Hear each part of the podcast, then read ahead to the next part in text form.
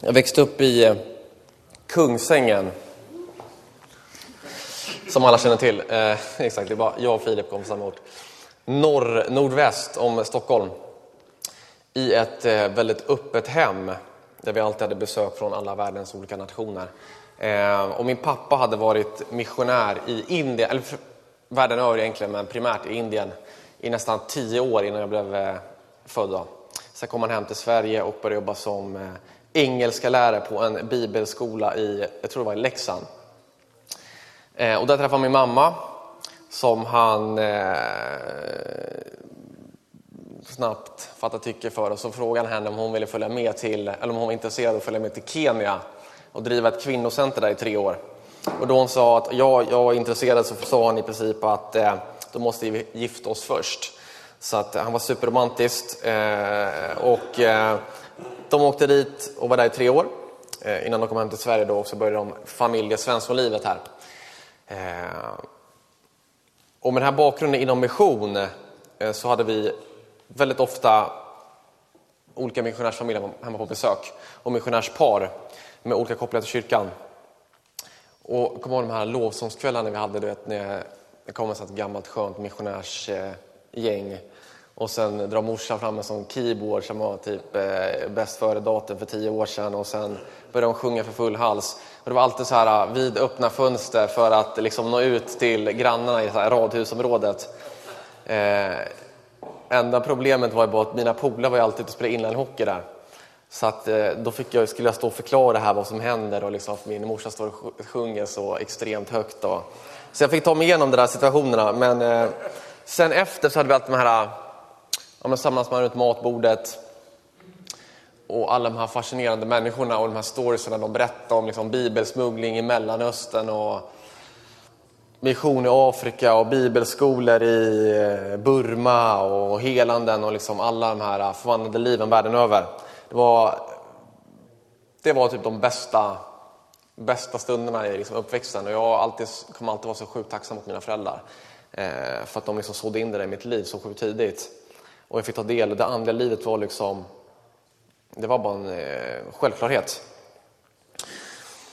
Och med det sagt så kan man ju tro då att eh, med en sån fantastisk uppväxt att man eh, ska gå en spikrak eh, bana i livet. Men det blev inte riktigt så för min del. Eh, precis som de allra flesta andra pojkar så vill man få sin beskärda del av uppmärksamhet och rampljus och bekräftelse.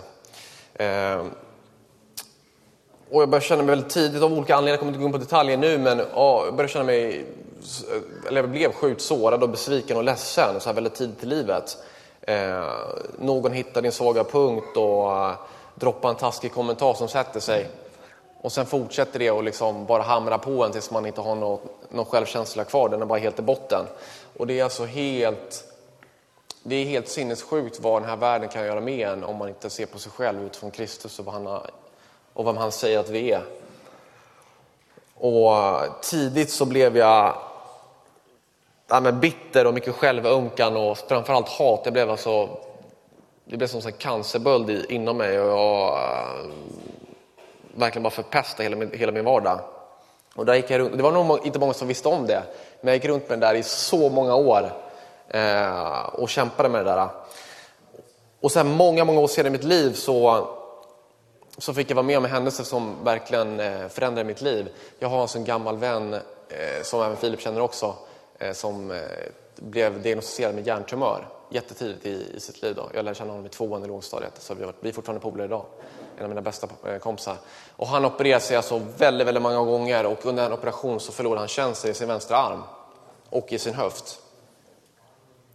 Eh, för det på något sätt gick det fel då, eh, kan inte detaljerna. Och alltså, eh, han har blivit svetsad i armen, du vet, han känner att det luktar rök, eller att det luktar bränt eh, på den nivån. Han har liksom sig i skelettet men inte i själva huden eller i sitt kött. Och jag vet det, jag liksom, vi satt och spelade dataspel när vi var små, han var ju sämst för att han kände inte vad han tryckte någonstans på tangentbordet. Och det, det finns så mycket människor som kan vittna om det här.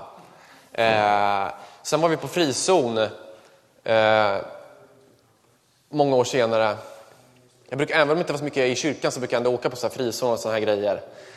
Och eh, där var det en som bad för honom och, på, och sen så någon, någon liksom sa amen och släppte sin hand så kände han på första gången på, alltså jag tror det var typ tio år, hur han kände blodet strömma ut i hans vänstra arm och ner i hans höft och han fick gåshud alltså för första gången han bara stod och lipa.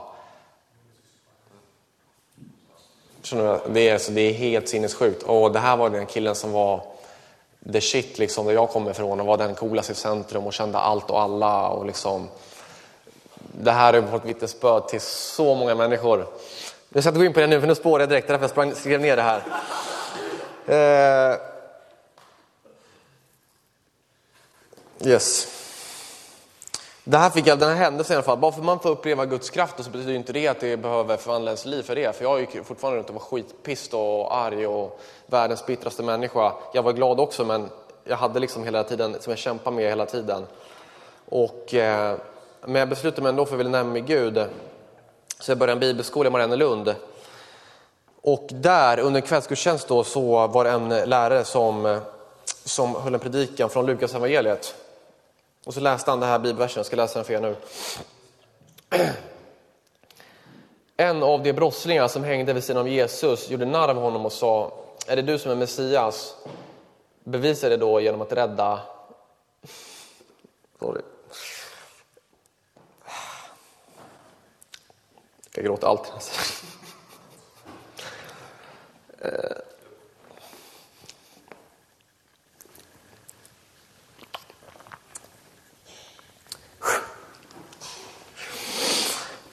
En gång till. En av de brottslingar som hängde vid, Jesus, vid sidan av Jesus gjorde narr av honom och sa Är det du som är Messias? Bevisa det då genom att rädda dig själv och oss på samma gång.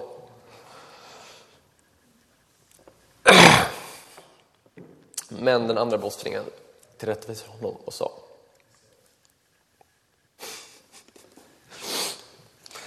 Har du inte respekt för Gud ens när du håller på att dö? Vi förtjänar att dö för våra brott. Men den här mannen har inte gjort en enda ond handling. Sedan sa han, Jesus kom ihåg mig när jag kommer till ett rike och Jesus svarade, redan idag ska de med mig i paradiset.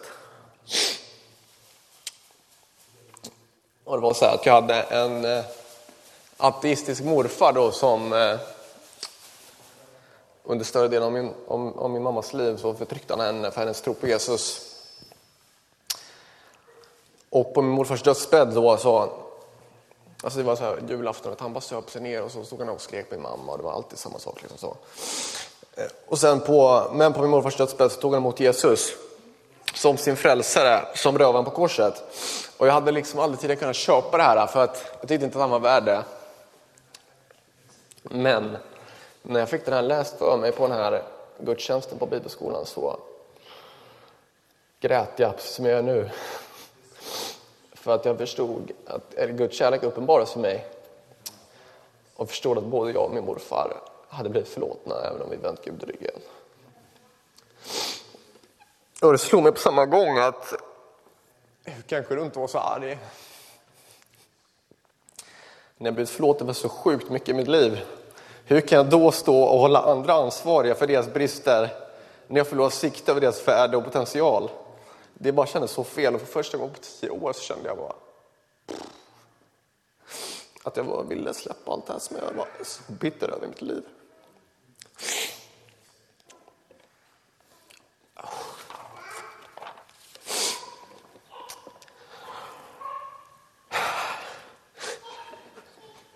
Sa det här innan det här skulle hända, jag visste det. Nu kommer jag läsa det här, jag har läst allting redan. Så jag... jag ska avrunda nu.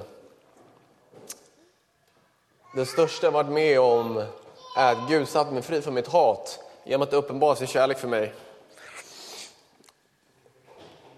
Tack. Evangeliet uppenbarar inte människors synd utan det tar bort människors synd och avslöjar vårt värde och syfte. Evangeliet, Kristus dog för att ta bort våra synder så att vi kan vandra i det som han har skapat oss att vara. Vilket är Guds avbilder och ljus på den här jorden. Låt inte livets omständigheter tala högre än sanningen om vem du är. Värdefull, älskad och dyrbar. Och min bön idag är att Gud ska sätta oss alla fria från våra gamla sår och ersätta det med kärlek för våra bröder och systrar i den här världen som fortsatt inte lärt känna den Gud som älskar och värdesätter oss så högt. Vi ber. Ja, Fader, jag tackar dig för, tackar dig för allt som du har gjort i mitt liv, Herre. Fader, jag tackar för att du satt mig fri från så många år av eh, ilska och aggressioner. Jag tackar för att du har gett mig en ny bild av hur jag ser på mig själv, här och min omgivning och människor runt omkring mig och mina vänner, Herre. Tackar för att man får förlåta människor som har gjort en fel, Herre. Tack för att du ersätter det med, med kärlek, Herre. Och tack för att du är på ditt kors. Tack för att det talar högre än livets omständigheter, Herre. Och oavsett vad någon skulle säga och tycka om oss, Herre, så kommer vi alltid se på oss själva genom dig, Herre. Och vad du har gjort i våra liv. Jag bara ber för alla som sitter här just nu, Herre, att du ska sätta oss fria.